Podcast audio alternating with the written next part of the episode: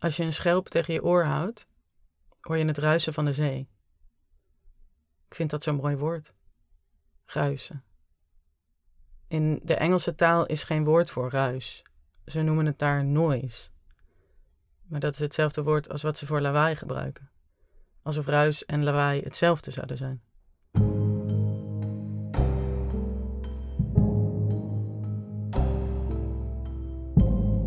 Ik ben radiokunstenaar Noortje Sanders en dit is Radio Waterruis. Een podcast voor kleine en grote mensen over geluid onder water. Over wie die geluiden maakt en over wie er allemaal meeluistert. Verstopt onder de golven.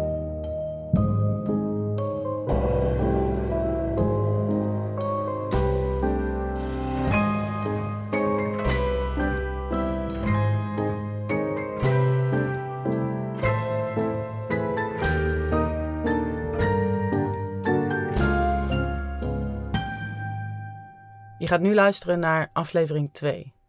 Lawaai en stilte. Ik loop naar huis na zwemles. Mijn haar is nog nat en ik heb een dikke capuchon op. Dat moet van mijn vader, omdat je anders vast kou valt met je natte haar. Als ik thuis kom, pak ik mijn radio en ga ik onder mijn bureautje zitten. Onder mijn bureau is precies genoeg ruimte voor mij en Nelly, Nelly is mijn nijlpaard. Hij is roze met paarse stippen en hij heeft een hele dikke kont, omdat alle vulling uit zijn buik naar beneden gezakt is. Samen met Nelly kruip ik onder mijn bureau tegen de verwarming aan. Ik doe lekker wel mijn capuchon af en ik zet mijn radio aan. Mijn radio is zo'n ouderwetse, met een hele grote draaiknop. Als je daaraan draait, komen alle radiozenders langs. Niet als een tv, een filmpje op YouTube, waar aan het eind van het filmpje gewoon meteen een nieuw filmpje begint. Bij mijn radio moet je zoeken naar de zenders. Ik draai aan de knop. Langzaam. Voorzichtig. Ruis. Muziek.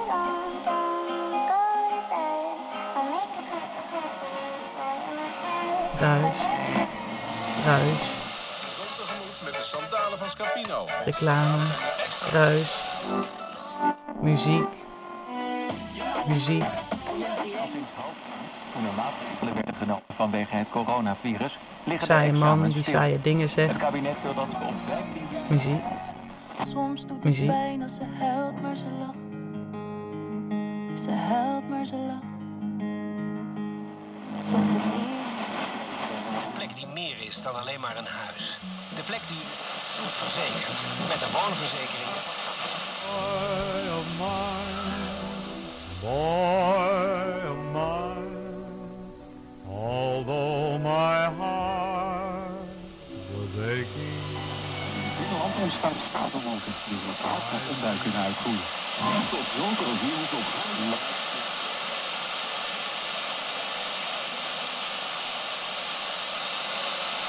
Na dat drukke zwembad is het eigenlijk wel lekker. Om gewoon even alleen naar die ruis te luisteren. Ik en Nelly, met z'n tweeën tegen de verwarming onder mijn bureautje, mijn haar nog een beetje nat en de ruis. Verder even niks. Misschien is dit wel hoe het voelt om als babytje in de buik te zitten, voor je geboren bent. Daar hoor je namelijk ook ruis. Je hoort het ruisen van je moeders bloedvaten, het kloppen van haar hart.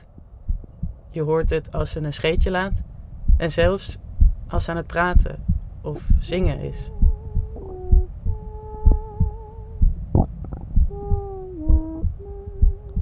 In de buik zit je voor je geboren wordt namelijk onder water. Daarom was je moeders buik ook zo mooi rond, omdat die behalve jou helemaal gevuld was met water. En daar zweefde je dan zo'n beetje rond. Je hoefde toen nog niet te ademen. En als je moeder dan aan het zingen was, bracht dat het water om je heen aan het trillen. Net zoals ik nu de lucht om mij heen aan het trillen breng als ik praat. Een geluidstrilling als een kring op het water, als je er een steen in laat vallen. Een kring die steeds groter en groter wordt en dus ook het water in je moeders buik aan het trillen kan krijgen. Het water waar jij in ronddoort. En als baby hoor je door die trilling dan dus je moeder zingen. Of scheetjes laten. Voor je geboren werd, was je eigenlijk net een vis. Ik draai net zo lang aan de draaiknop van mijn radio tot ik ruis hoor. Met een heel klein beetje stem. Ik hou de radio dicht tegen mijn oor en ik zet Nelly met zijn dikke billen op mijn buik. Zo blijf ik zitten, onder mijn bureautje, net zo lang tot mijn haar droog is. I seem to know that you'd want to go riding your mad waking. I'll be here waiting, dear, till at the glad dawn's breaking. I'll hear you say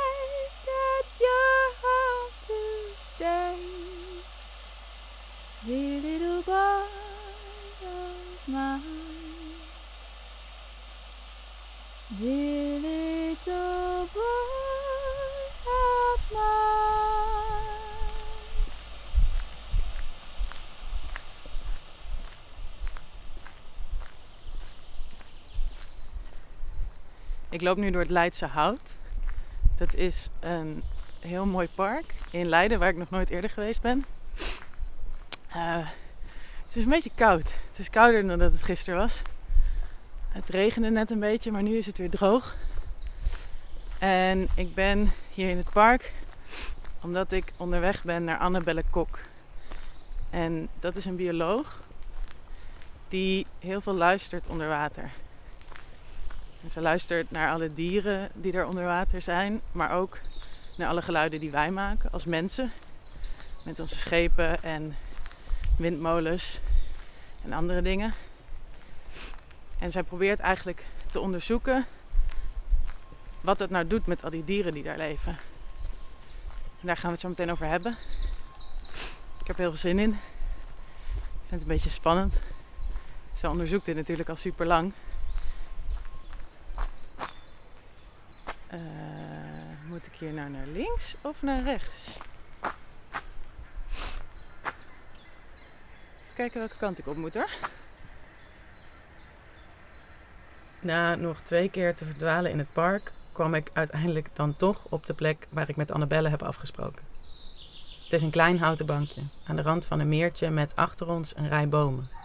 De enige geluiden die in dit park te horen zijn, zijn vogels die rondspringen in de takken naast ons en achter elkaar aanvliegen.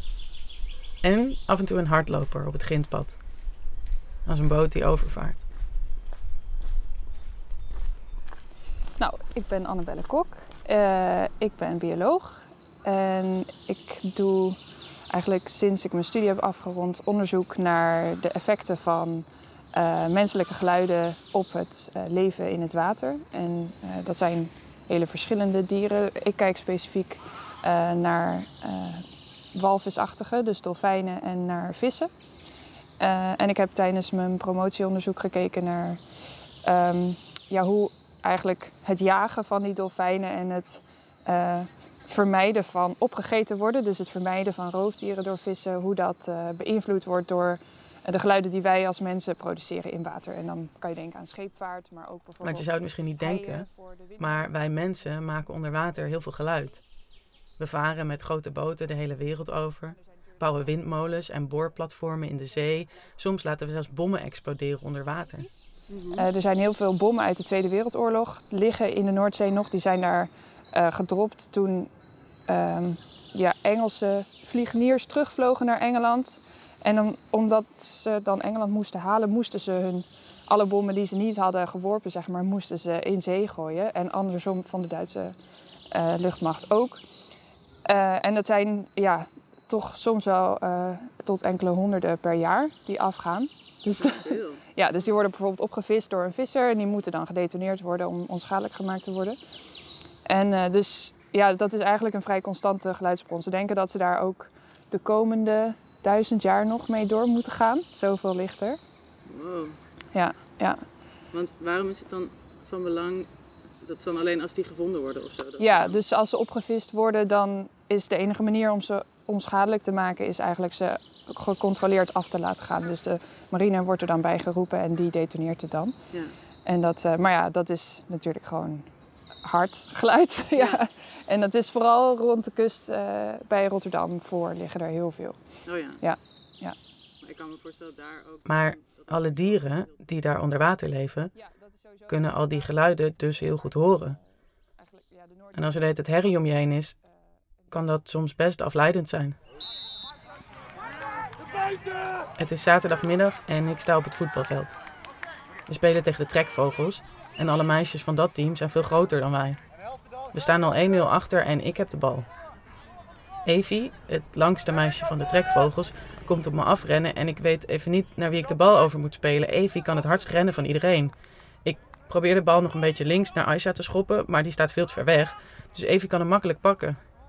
Zoe komt boos naar me toe rennen en ze zegt dat ze vet vrij stond en naar me aan het roepen was dat ik de bal naar haar moest overpassen.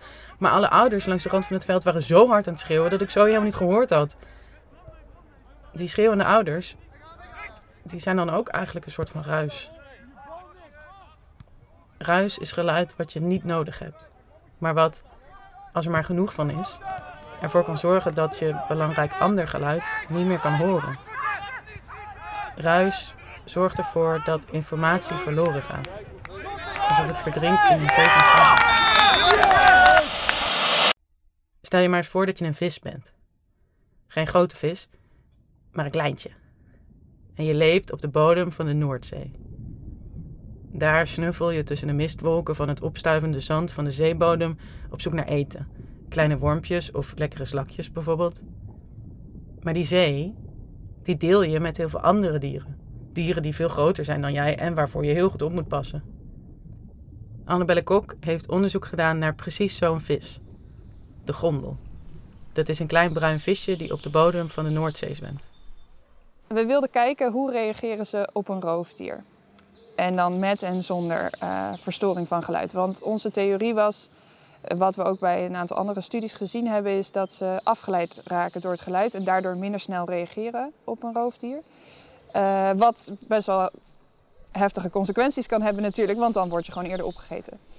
Eh, en dat Om te kunnen kijken hoe die gondels nou reageren op zo'n grote vis die hen wil opeten, hebben Annabelle en haar team iets heel slims bedacht.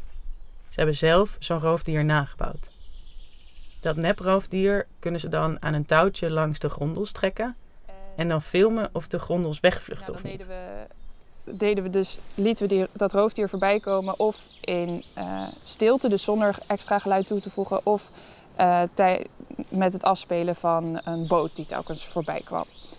Eh, en dat deden we dan in dus wat drukkere gebieden en wat stillere gebieden. En wat we zagen was dat als je geen extra geluid afspeelt in de stille gebieden, dan ehm, vluchten ze weg eigenlijk van de, het gedeelte wat wij konden filmen. En als je wel bootgeluid afspeelt, dan vluchten ze niet meer weg, dan blijven ze zitten. Misschien Dus- voelt zo'n gondel Ja. zich dan dus een beetje zoals ik op dat voetbalveld. Maar dan zijn er geen schreeuwende ouders langs de rand van het veld, maar boten die overvaren. En is Evie geen lange voetballer die harder kan rennen dan iedereen, maar een roofdier. Een roofdier dat me kan opeten als ik haar niet door aankomen. Ik sta voor de klas. Lucas zit vooraan naast Aisha, omdat hij van de juf niet meer achterin mag zitten. En daarachter zit de rest. Het lijkt wel alsof er ineens veel meer kinderen in mijn klas zitten. In mijn handen heb ik een knuffel van een bruinvis en een papiertje met heel veel dingen erop. Ik moet ineens heel nodig plassen.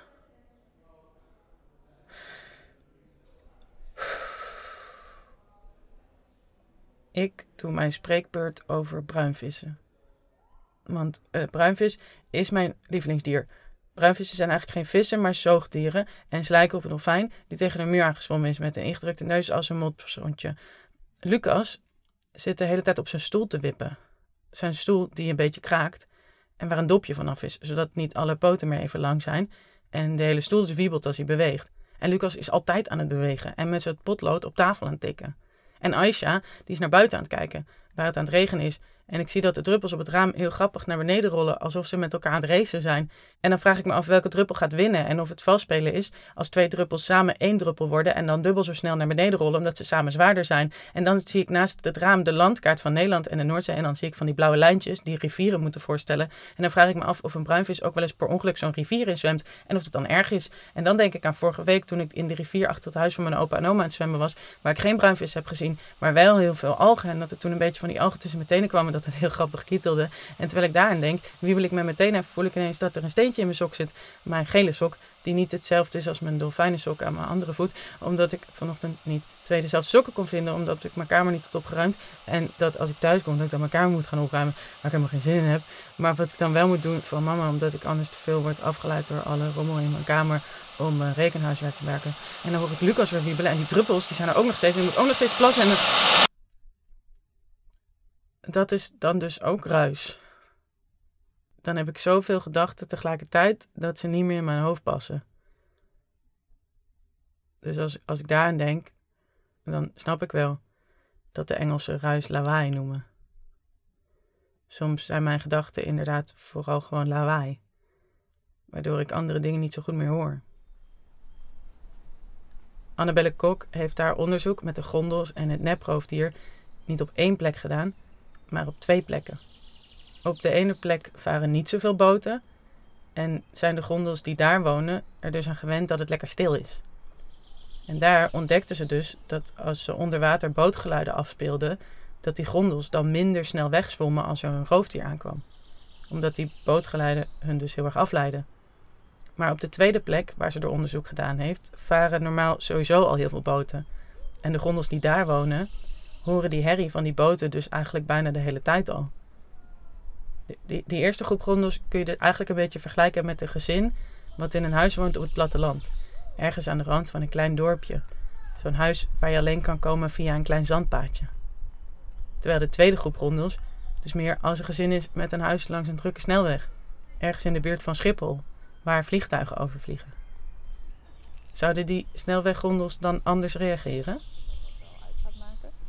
En nou, in lawaaierige gebieden zagen we dat ze uh, als er een extra, als er bootgeluid werd afgespeeld, dat ze ook niet wegvluchten. Dus dat was hetzelfde als in een stilgebied. Maar het gekke was dat we, als we geen bootgeluid afspeelden, vluchten ze nog steeds niet weg. Terwijl we er wel voor gezorgd hebben dat, ook al waren we in een lawaaierig gebied, dat het op dat moment niet lawaaieriger was dan in dat andere gebied. Dus het was niet zo dat er al extra verstoring was. Maar ja, ze gedragen zich dus gewoon over de hele linie anders en niet alleen als er een boot voorbij komt. Ja. ja. Dus daarin lijkt het dan wel ehm, dat. Dus als je dus langdurig in een hele um, drukke, uh, drukke herrie zit, of daarin opgroeit misschien, dat dat dan dus ook wel echt iets doet op lange termijn. Ja, ja, ja, en dat is, uh, dat is eigenlijk, daar is nog niet heel veel naar gekeken, want het, de focus in eerste instantie is heel erg geweest op wat, wat voor directe effecten heeft dat geluid nou.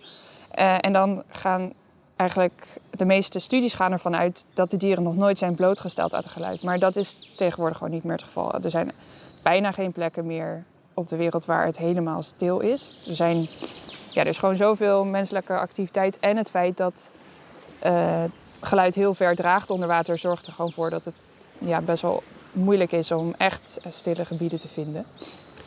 Um, maar zelfs dan nog zie je dus dat een gebied waar het wat drukker is, dat ze dus ook al permanent uh, zich anders gedragen dan uh, in die rustigere gebieden. Ja.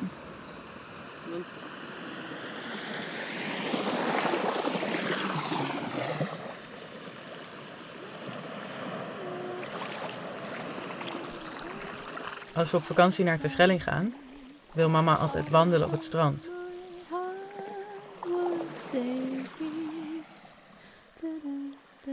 Ze zegt dat we dat doen om uit te waaien. Dat is dus als je heel veel drukte hebt in je hoofd, zoals ik soms in de klas of in het zwembad, dat je dan over het strand gaat lopen om de wind en het ruisen van de zee alle gedachten uit je hoofd te laten blazen. En daar word je dan dus rustig van. Het ruisen van de zee maakt geen lawaai. Het ruisen van de zee maakt stilte. Daarom vind ik ruis ook zo'n mooi woord. Het is lawaai en stilte. chaos en rust.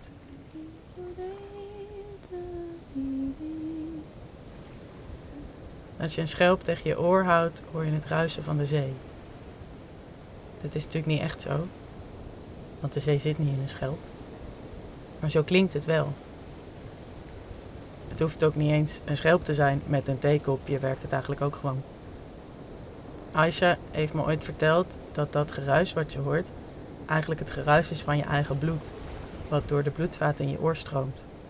Dat geluid wordt teruggekaatst in de schelp en dat hoor je dan. Ik vond dat altijd een mooi verhaal. Omdat dat dus betekent dat ik ruis zoals de zee. Of de zee ruist zoals ik. Maar, volgens de juf klopt dat niet. Dat, dat geruis wat je hoort, dat ben je dus niet zelf. Dat is gewoon het geluid in je omgeving. In je omgeving is altijd wel een beetje geluid. Van de wind achter het raam of een zoemende koelkast ergens in de gang. Maar die geluiden die zijn zo zacht dat je ze normaal eigenlijk niet hoort. Maar zo'n schelp die houdt dus delen van dat zachte omgevingsgeluid tegen en laat andere delen door. Het werkt eigenlijk een beetje als een geluidsfilter. De delen van het omgevingsgeluid die worden doorgelaten, weerkaatsen in de holtes van die schelp en dat klinkt dus als het ruisen van de zee. Ik heb er even over nagedacht en ik heb besloten dat ik dat eigenlijk nog mooier vind. Omdat het ruisen van de zee dan dus altijd om me heen is. En ik het kan vangen in het theekopje als ik het nodig heb. Als ik even moet uitwaaien van mijn eigen gedachtenruis of van Lucas met zijn geschreeuw en zijn bibelstoel.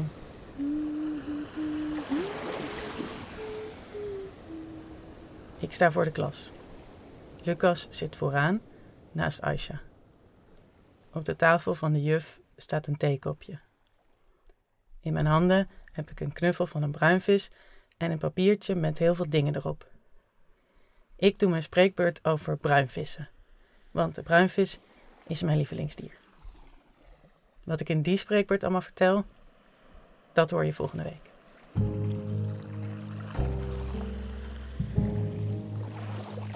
Ik ben Noortje Sanders en dit was de tweede aflevering van Radio Waterhuis. Volgende week komt de derde aflevering en die gaat over bruinvissen. Luister je dan weer mee? Ik eindig iedere aflevering met een wetenschappelijk onderzoek waar je zelf aan mee kan doen. Wil je weten hoe? Blijf dan nog heel even luisteren. De gloednieuwe muziek van Radio Waterhuis is gemaakt door Sebastian Bax. Wil je meer van Sebastian horen? Kijk dan even op www.sebastianbax.com. Het nummer van de neuriënde moeder, Dear Little Boy of Mine, is geschreven door Arnest Arbal en J. Carn Brennan en gezongen voor Radio Waterhuis door Pluk Venema. Radio Waterhuis wordt mede mogelijk gemaakt door Metaalkathedraal en de Waterschool Utrecht. Bij deze aflevering hoort ook een doeblaadje met leuke spelletjes of knutselprojecten die te maken hebben met waar je net naar geluisterd hebt. Het doeblaadje kun je downloaden in de beschrijving van deze aflevering of op www.noortjesanders.com slash radiowaterhuis. Het wetenschappelijk onderzoek van deze week heet Vissen in het verleden. De link naar dat onderzoek vind je in de omschrijving van deze aflevering. Via die link kun je kijken naar schilderijen van het Rijksmuseum met vissen erop en proberen te bepalen wat voor soort vis de schilder nou geschilderd heeft. De onderzoekers hebben daarvoor een heel handig tabelletje gemaakt om je te helpen uitzoeken wat voor vis het nou is.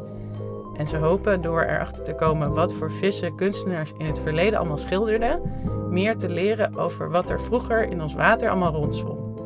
Sommige vissen zijn best moeilijk om te herkennen en vier ogen zien meer dan twee, dus het is leuk om dat samen met iemand anders te doen. Veel puzzelplezier. Dit was Radio Waterhuis voor deze week. Dankjewel voor het luisteren en tot volgende week.